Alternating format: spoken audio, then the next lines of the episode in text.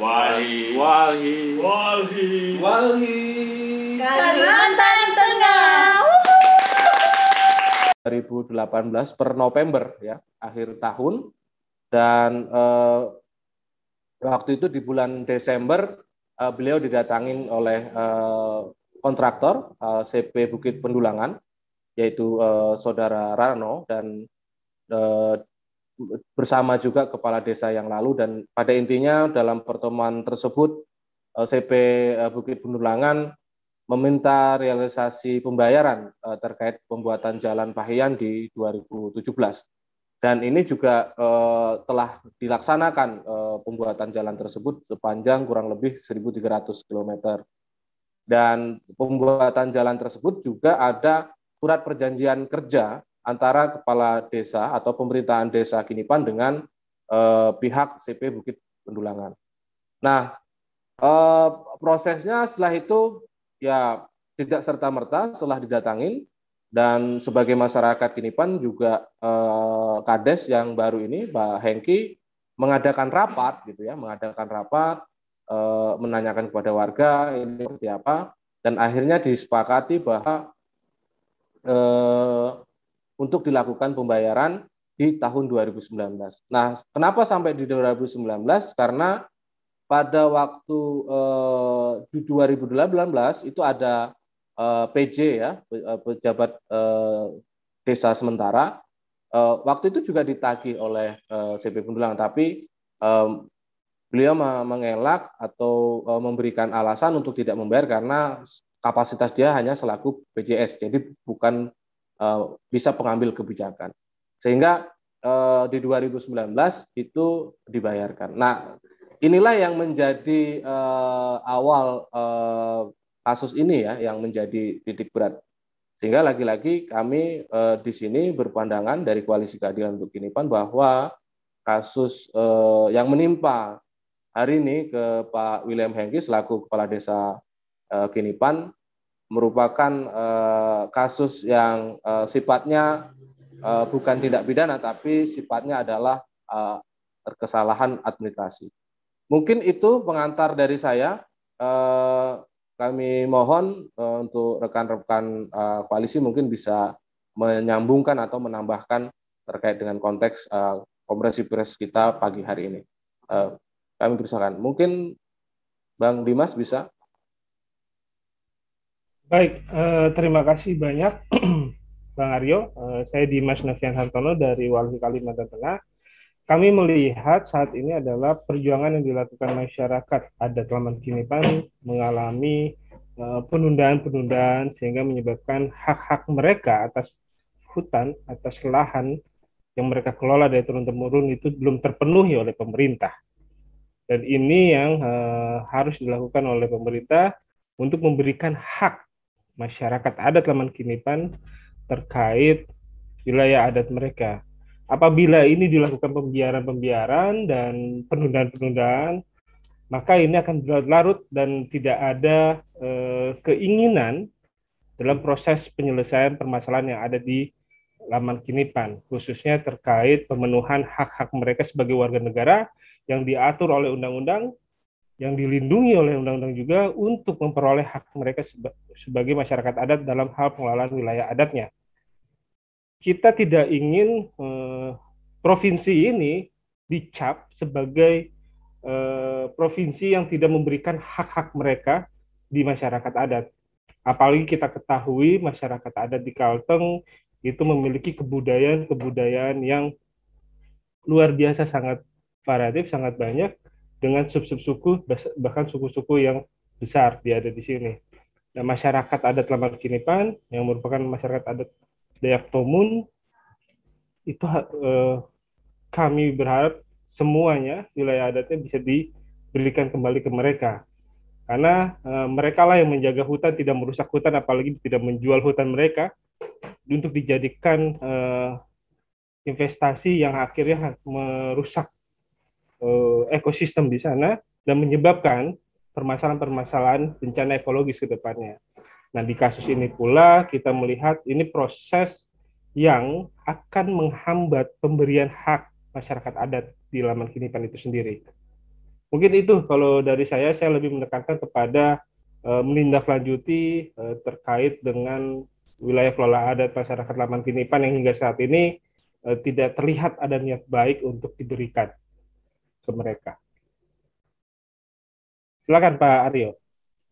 Makasih uh, Bang Dimas bahwa Bang Dimas selaku uh, Direktur Walhi Kalimantan Tengah menyampaikan bahwa uh, proses yang sedang dijalani oleh Pak uh, Hengki ini akan akan uh, menghambat ya, menghambat uh, apa yang telah diperjuangkan oleh masyarakat adat Kinipan untuk mendapatkan pengakuan.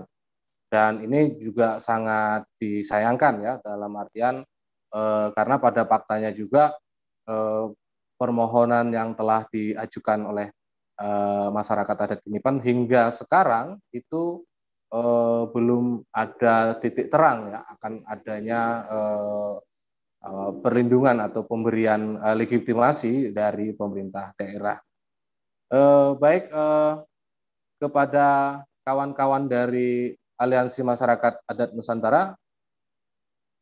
Apakah ada yang mau untuk uh, di sharing?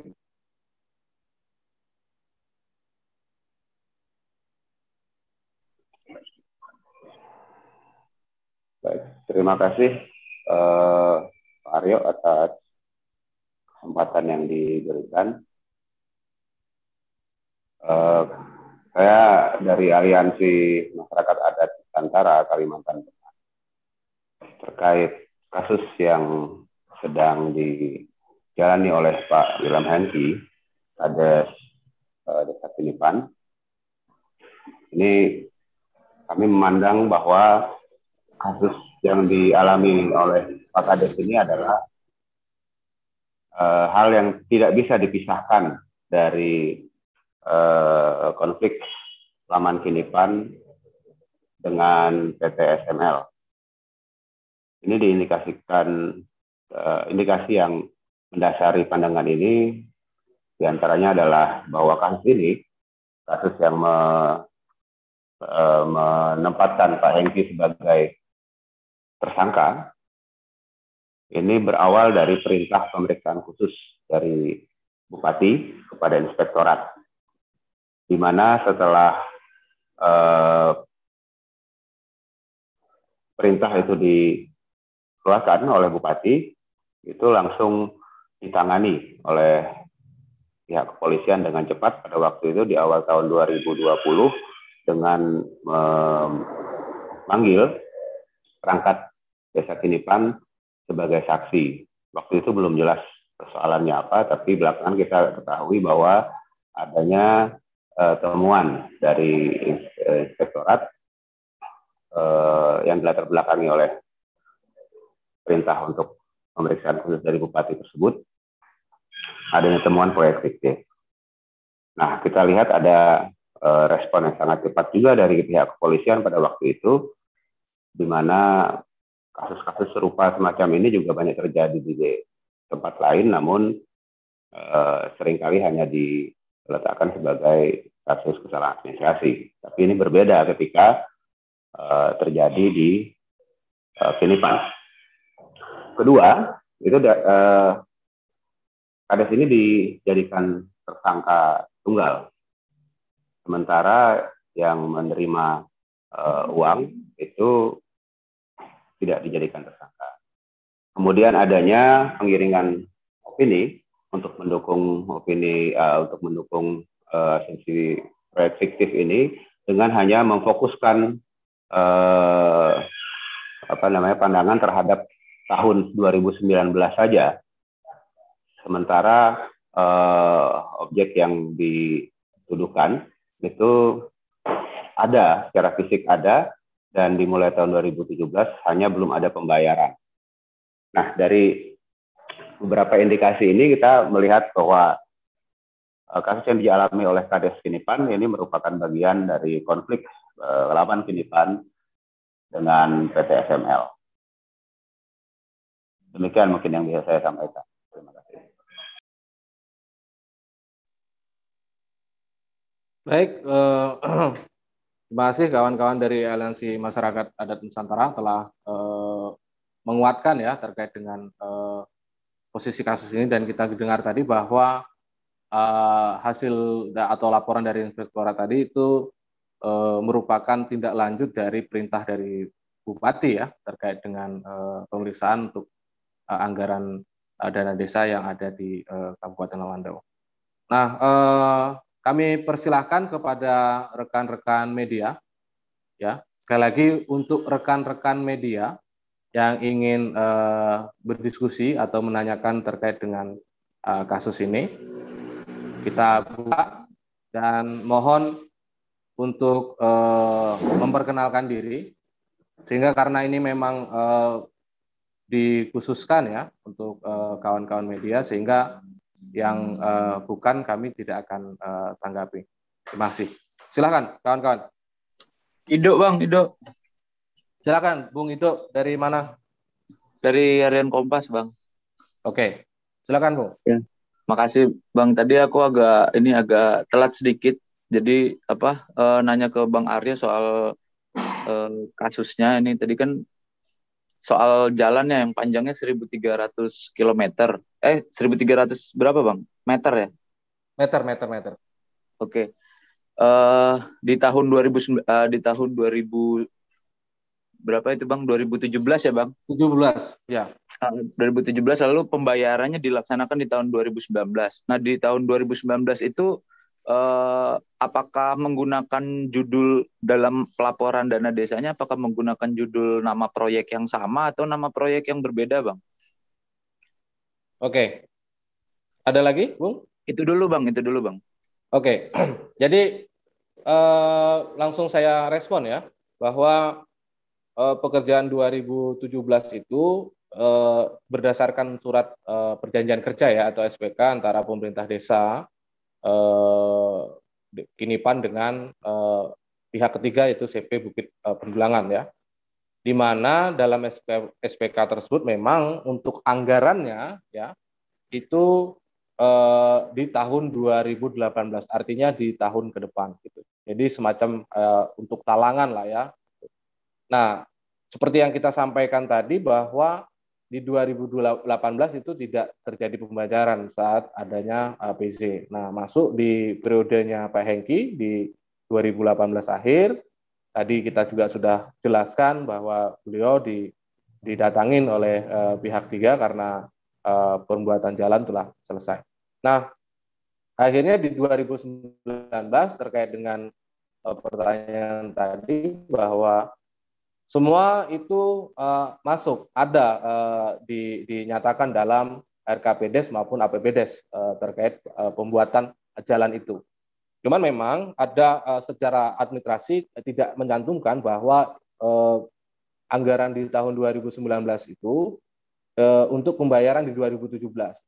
Karena uh, apa namanya ini yang uh, yang diketahui oleh kepala desa bahwa tidak bisa eh, apa namanya melakukan eh, pembayaran eh, yang sudah dikerjakan gitu intinya. Nah, nah sehingga itu semua di 2019 dan memang di 2019 juga masih ada pengerjaan tapi berupa uh, pembersihan jalan gitu ya.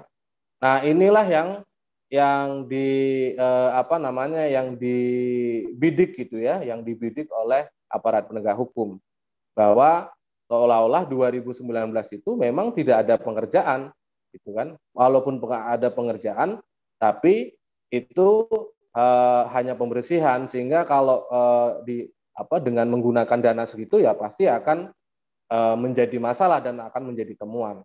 Nah, namun persoalannya ini tidak bisa dilepaskan dari uh, pembuatan jalan di 2017. Nah, sehingga uh, pada kesempatan kali ini kami uh, ingin menyampaikan itu ya uh, uh, apa terkait dengan uh, apa namanya yang terjadi gitu ya. Ada semua untuk di 2019 itu semua uh, secara administratif uh, telah ada. Mungkin itu Bung Aldo. Siap siap, makasih Bang. Uh, total anggarannya berapa ya Bang ya yang yang dibayarkan ke CV?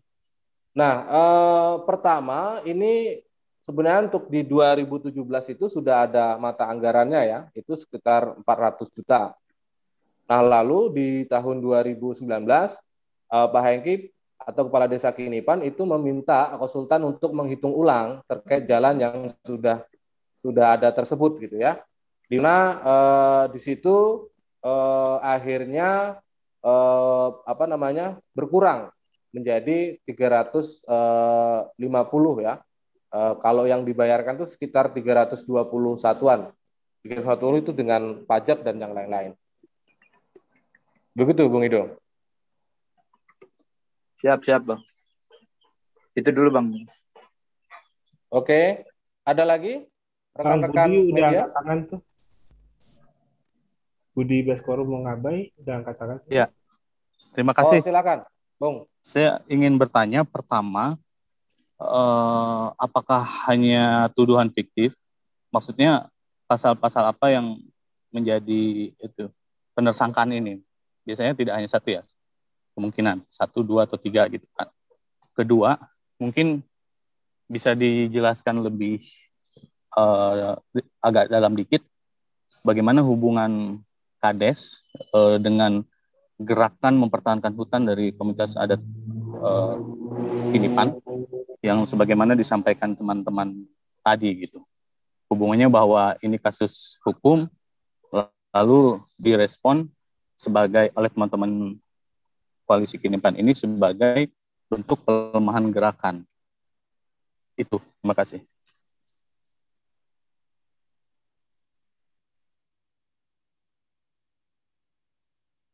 Oke, okay, uh, eh, makasih Bung Budi. Mungkin eh, kawan-kawan uh, yang lain, uh, koalisi bisa menanggapi yang uh, pertanyaan yang kedua ya terkait dengan uh, apa uh, sosok dari kepala desa sendiri ya terkait dengan perjuangan masyarakat adat mungkin bisa uh, atau perjuangan masyarakat kini pan bisa direspon. Dari kawan-kawan aman mungkin? Baik terima kasih. Tadi seperti yang sudah saya sampaikan bahwa ini tidak bisa dilepaskan dari uh, gerakan laman kini pan terkait konflik dengan PTSML terkait adat karena Eh, pertama itu soal perintah ya, perintah dari bupati untuk melakukan pemeriksaan khusus. Artinya sudah dilaporkan dari 2017 2018 eh, di akhir 2019 eh, di awal 2020 itu ada perintah pemeriksaan dari bupati pada inspektorat yang menghasilkan temuan fiktif itu tadi itu pertama. Ini uh, agak janggal biasanya uh, ketika pemerintah apa pemeriksaan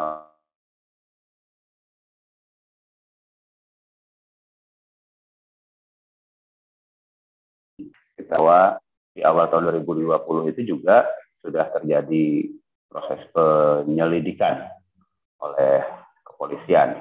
Itu yang pertama. Kedua, kasus ini seolah-olah hanya terjadi di tahun 2019 dan hanya melihat di tahun 2019 saja tanpa eh, me, apa, tanpa mempertimbangkan bahwa eh, persoalan pembangunan jalan itu di tahun 2017 itu memang belum dibayarkan, tidak ada tanggung jawaban dan tidak ada serah terima uang dari eh, desa kepada eh, kontraktor itu yang apa kita bisa lihat ini buk, uh, tidak seperti kasus-kasus serupa yang terjadi di tempat-tempat lain.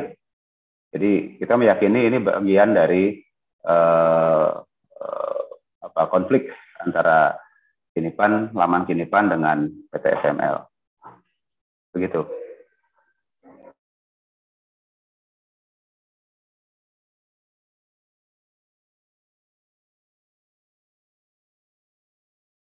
Oke, terima kasih eh, kawan-kawan uh, dari Aman. Ada lagi eh, kawan-kawan? Uh,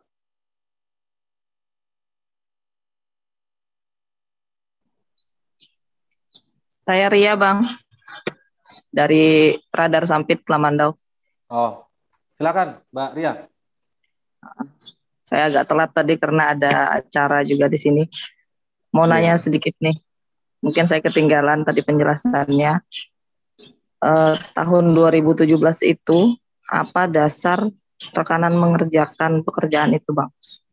Itu aja dulu, makasih. Oke, uh, terima kasih uh, Mbak Ria dari Radar Sampit. Uh, dasarnya adalah ada surat perjanjian uh, pihak tiga yaitu uh, CP Bukit Pendulangan. Dokumennya ada. Mungkin uh, singkat itu kita bisa jawab. Nomornya saya lupa nanti kita akan apa Maksudnya, dalam rilis kita ada maksud saya itu apakah memang di tahun 2017 itu ada anggaran di APBDes-nya untuk mengerjakan pekerjaan itu tapi tidak bisa dibayar atau bagaimana? Nah, dalam SPK tersebut itu memang dicantumkan pembayarannya di 2018. Walaupun pekerjaannya di 2017. Oh, jadi tidak ada kan biasanya nih ada uh, slot anggarannya dulu di APBD, APBDes, baru itu dikontrakkan dikerjakan. Nah ini apakah memang dia itu mengerjakan sendiri menggunakan dana talangan dan lain-lain tidak tidak ada anggarannya tapi dikerjakan duluan kayak karena di sini dulu pernah ada kasus tahun-tahun 2004 di Lamandau ini sejarahnya. Jadi waktu itu karena Kabupaten Lamandau ini baru berdiri, mungkin belum ada anggaran terlalu banyak. Jadi waktu itu siapa pun mau mengerjakan proyek silahkan kerjakan pekerjaan ini ini ini. Nah saat di lakukan penagihan kan itu pekerjaannya tidak ada anggarannya nih di APBD. Mereka ngerjain sendiri. Akhirnya saat mereka menagih tidak bisa dibayarkan. Anggapannya dulu apa ya? Dana dana DLL kalau nggak salah sebutnya waktu itu. nah jadi waktu itu akhirnya semuanya kena mulai dari kepala dinas PPTK sampai ke pemborong-pemborongnya kena berjamaah lah waktu itu. Nah apakah ini kasusnya ya. sama seperti itu atau bagaimana? Uh, kurang lebih seperti itu. Jadi memang ini uh, lagi-lagi makanya kita berkaitan terkait dengan uh, persoalan administrasi ya, uh, bahwa uh, jadi kalau dalam dalam uh, pemahaman kami kalau uh, tadi juga nyambung apa yang dikenakan oleh uh, Pak Kades ya, yaitu uh, pasal terkait yang ada di undang-undang uh, korupsi gitu ya, di mana dia sifatnya memperkaya diri sendiri dan atau orang lain dan ada kerugian negara kan begitu. Nah uh, dalam tiga hal ini sebenarnya pertama yang kita ingin sampaikan bahwa pekerjaan ini tidak fiktif, tapi pekerjaan itu ada ya kan? Kedua, uh, ya pembayaran-pembayaran itu untuk itu. Nah, persoalan yang tadi juga yang disampaikan oleh Mbak Ria, ini adalah wilayah administrasi, ya kan? Artinya itu bisa bisa eh, apa namanya bisa di eh, bisa dibuat dalam artian ada kesalahan administrasi dan bukan tindakan pidana, bukan kategori tindakan pidana. Ini yang perlu digarisbawahi. Nah, sehingga memang itu tadi bahwa ini yang membuat krusial ya dalam dalam kasus ini gitu.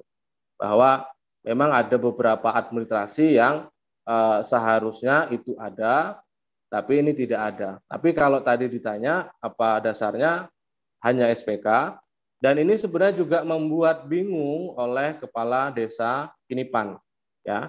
Nah, ini juga yang kita ingin sampaikan bahwa sebelum terjadi pembayaran, kepala desa Kinipan ini itu juga berkoordinasi dengan dinas eh, pemberdayaan desa atau PMD, bahkan juga dengan inspektorat, ya kan?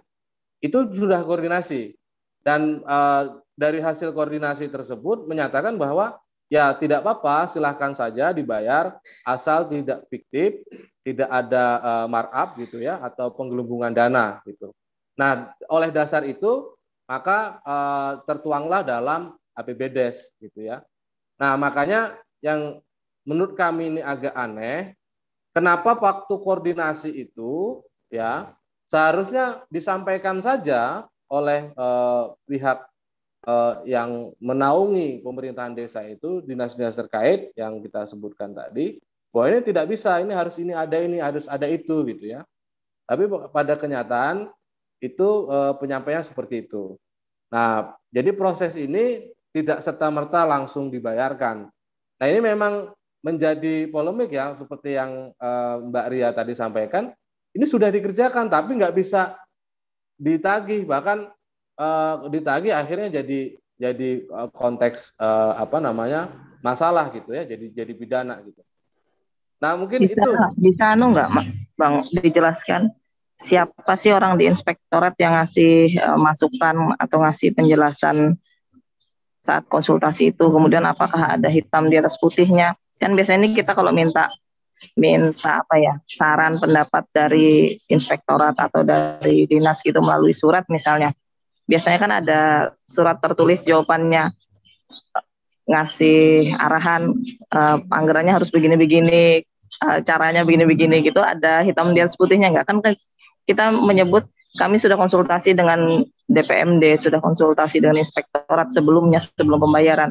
Nah itu hitam di atas putihnya ada nggak bukti kalau sudah ada konsultasi kemudian arahan dari mereka itu seperti apa itu ada nggak? kalau untuk bukti hitam putihnya tidak ada tapi untuk SPJ-nya ada Namanya orang yang diajak konsultasi di inspektorat ada nggak? Ada namun kita nggak nggak bisa sebutkan lah jadi kalau ya memang seharusnya gitu jadi memang eh, karena eh, waktu itu sifatnya hanya bertemu gitu ya dialog diskusi jadi mungkin Pak Kades juga tidak ya, sampai sepemikiran ya bahwa harus ada hitam di atas putih Nggak pakai Memang, surat tertulis betul. permohonan konsultasinya Betul, ya? hanya datang saja gitu. Memang seharusnya sih yang lebih lebih tepat ada ada apa ada surat tertulis gitu ya meminta gitu. Tapi prosesnya yang bisa kami jelaskan eh, hanya berupa diskusi. Begitu Mbak Ria. Sulit untuk dijadikan argumen saat anu sih karena tidak Ya. ada hitam putihnya. Tapi ada ada SPJ dari dan itu ada ada dari dinas juga ada SPJ-nya itu bahwa mereka memang telah datang ke sana. Nah, Emang sebenarnya nanti bisa bisa dikompontir toh dalam dalam kesaksian. Dan itu bisa menjadi bahan pembelaan kami ya eh, dalam artian eh, Pak Kades sudah diskusi sudah menemui dengan siapa dan segala macam itu bisa kita mintakan apakah benar atau tidak. Gitu Mbak Ria.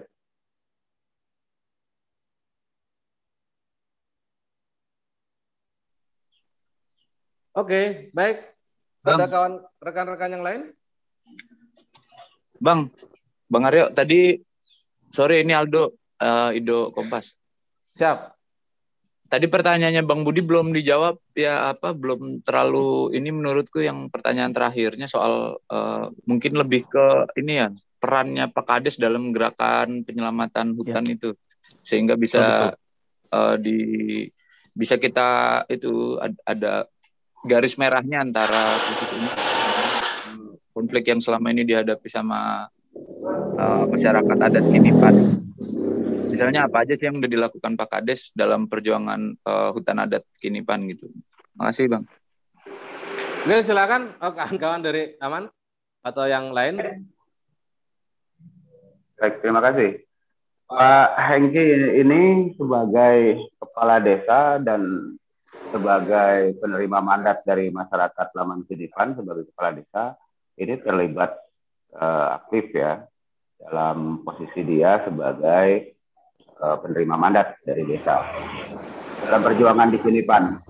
Kalau kita lihat dalam beberapa kali eh, pertemuan eh, itu bisa kita lihat jejak digitalnya bagaimana beliau berpidato sebagai kepala desa Kinipan ketika ada pertemuan dengan wakil menteri dan anggota DPR RI ya di Kabupaten Lamandau.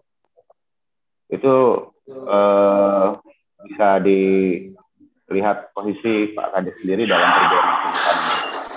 Kemudian kedua di masyarakat kemarin pada waktu Pak Kades ini dipanggil diperiksa uh, masyarakat Kaman Kinipan itu beberapa mobil datang mengantar, hanya untuk mengantar. Jadi ketika sampai di Polres itu berdoa bersama dan kemudian uh, apa mengatakan Pak Kades bertemu dengan penyidik sebelum melakukan proses pemeriksaan. Nah, ini Pak Kades merupakan uh, apa sosok yang punya peranan penting dalam perjuangan uh, Laman Kinipan. Mungkin itu Pak Aryo. Masih, uh, masih ada rekan-rekan? Jaya Bang, Kalteng Pos. Oke, silakan Bung Jaya. Ya, izin uh, mungkin tadi agak lambat saya masuk.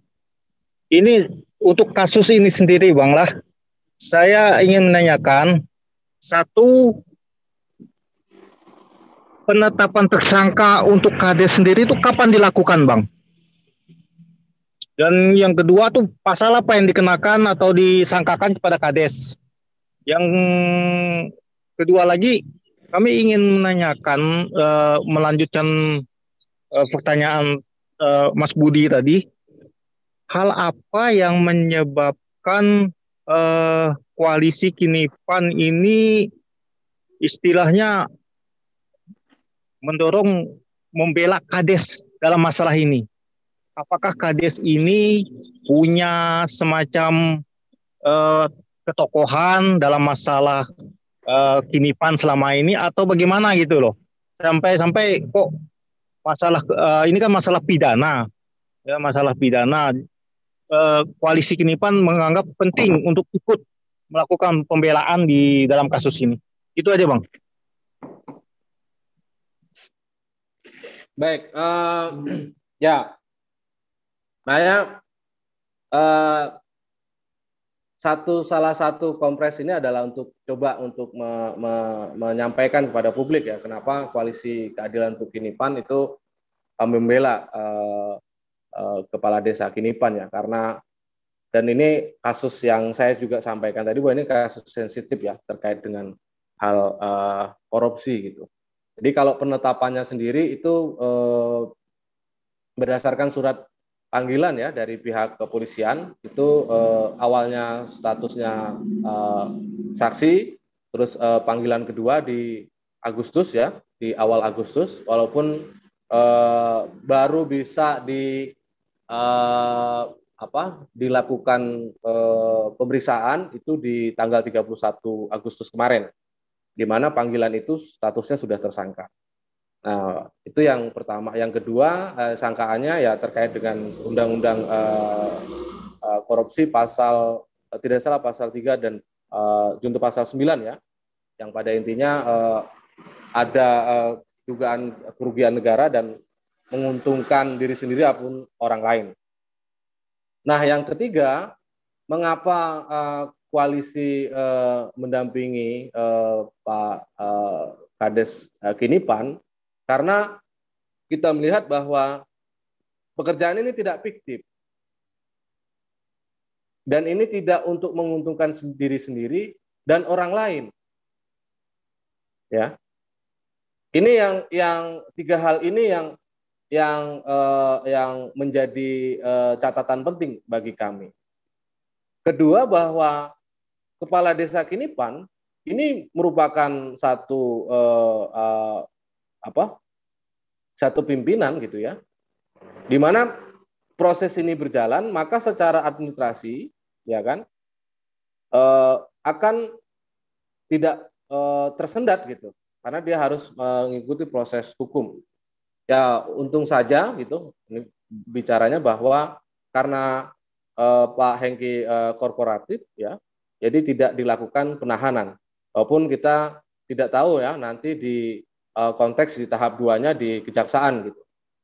Nah, uh, ini yang menjadi catatan sehingga uh, menurut kami bahwa nanti saat uh, ini uh, berjalan terus uh, ada keputusan yang lain untuk menghentikan beliau di tengah jalan. Nah, kita tidak bisa memastikan siapa yang akan jadi pengganti dari kepala desa Kinipan ini bisa saja diganti dengan pihak luar. Dan tentu saja ini tidak akan mudah bagi masyarakat adat Kinipan yang selama ini dengan kepala desanya yang memang memang asli dari uh, Kinipan. Gitu. Sehingga ini saling bertautan. Uh, tentu saja kalau yang pengganti beliau karena uh, dalam proses ya, dalam proses hukum. Dan sekali lagi kita sampaikan bahwa kita taat terkait dengan uh, prosedur hukum ya, kita ikutin gitu ya. Walaupun pernyataan pertanyaan ini menjadi kenapa menjadi dasar gitu ya, kenapa kita uh, melakukan uh, pendampingan ataupun pembelaan. Jadi tiga hal tersebut. Nah, hal-hal itu yang yang membuat uh, kami berpikir ya ini tidak bisa dipisahkan gitu ya. Dan tadi juga sudah disinggung oleh kawan-kawan uh, dari Aman gitu ya bahwa kepala desa Kinipan juga intinya mendukung 100% perjuangan uh, terkait dengan pengakuan wilayah masyarakat adat Kinipan dan pengakuan masyarakat adat itu sendiri yang sampai hari ini itu belum dipenuhi oleh uh, Bupati Lamandau. Mungkin itu, Bung Jaya dari Kalteng Pos. Uh, melanjutkan sedikit Bang, uh, selain Pak Hengki, apakah ada tersangka lain dalam kasus ini Bang, yang juga nah, ditetapkan oleh pihak kami? Ini yang pertanyaan menarik ya. Jadi ini keanehan kedua gitu. Jadi kok yang yang yang yang kita ketahui hanya Pak Hengki sendiri, jadi tunggal gitu ya. Ini kan ya bagaimana ya? Artinya bahwa kalau kita pikir sederhana, ini ada pekerjaan yang sudah dikerjakan, ya toh di 2017, ya kan? Terus eh, pihak rekanan atau pihak ketiga ini dia menagih. Jadi sifatnya seperti yang kita sampaikan di di tema itu adalah membayar hutang uh, jalan gitu ya. Terus uh, kepala desa ini ditersangkakan gitu. Dengan ya kita apa namanya tidak uh, mempengaruhi ya terkait dengan apa yang menjadi dasar penyidik gitu. Tapi yang yang kita ingin sampaikan adalah versi dari kita gitu. Uh, ini supaya untuk uh, dalam konteks uh, apa uh, bersama atau kebersamaan gitu ya. Jadi tidak menyatakan bahwa karena ini masih dalam proses ya, kita eh, kami juga dalam hari ini juga menyampaikan dan semua pasti juga tahu bahwa ini masih dalam proses ya. Belum ada keputusan apa-apa. Artinya sebelum ada putusan pengadilan yang mengikat tentu saja ya. Nah, pertanyaan Bung Jaya tadi ini juga menjadi pertanyaan kami gitu ya. Kenapa kok yang eh, jadi tersangka hanya kepala desa? Ya kan? Kenapa tidak ada yang lain? Nah, ini yang yang yang juga menjadi pertanyaan kami sehingga lagi-lagi kami e, menegaskan bahwa ini sangat erat hubungannya dan kami menduga kuat bahwa ini sangat erat hubungannya dengan pelemahan e, perjuangan dari masyarakat adat Kinipan itu sendiri. Mungkin itu Bung Jaya. Oh, silakan, ada tambahan. Yo, jadi uh, pihak uh, pembuat jalan belum disangkakan ya Bang? Belum. Setahu kami belum. Uh, kalau dengan kades yang membuat perjanjian? Tidak ada juga. Buat SPK? Tidak ada juga. Oh, tidak ada juga. Siap, siap, siap, siap, siap. Untuk kasus ini siapa yang megang bang? Polres, Polda atau Kejati, Kejari? Uh, terakhir di proses Polres Lamongan. Oh siap, siap, siap. Oke. Makasih dulu bang. Ya. Makasih Bung Baik, saya menambahkan sedikit soal eh, apa kasus kades ini terkait dengan perjuangan Kinipan. Jadi hari ini eh, proses di pemerintah pasca gugatan PTUN dari koalisi kemarin itu dibentuk tim eh, verifikasi masyarakat adat di mana eh, dalam prosesnya tentunya peran kepala desa itu akan menjadi sangat penting. Nah, di tengah eh, proses pengakuan masyarakat adat eh, yang yang diinisiasi oleh Kabupaten Lamandau dalam bentuk eh, pembentukan panitia verifikasi masyarakat adat, ketika kepala desa Kinipan itu di eh, PJS kan, dan pengganti sementaranya itu berasal dari orang di luar Kinipan, maka ini menjadi hal yang akan merugikan bagi masyarakat Laman Kinipan dalam perjuangan pengakuannya secara formal. Jadi ya kalau disambungkan puzzle-nya itu dari beberapa indikasi tadi, maka dengan disangkakannya kades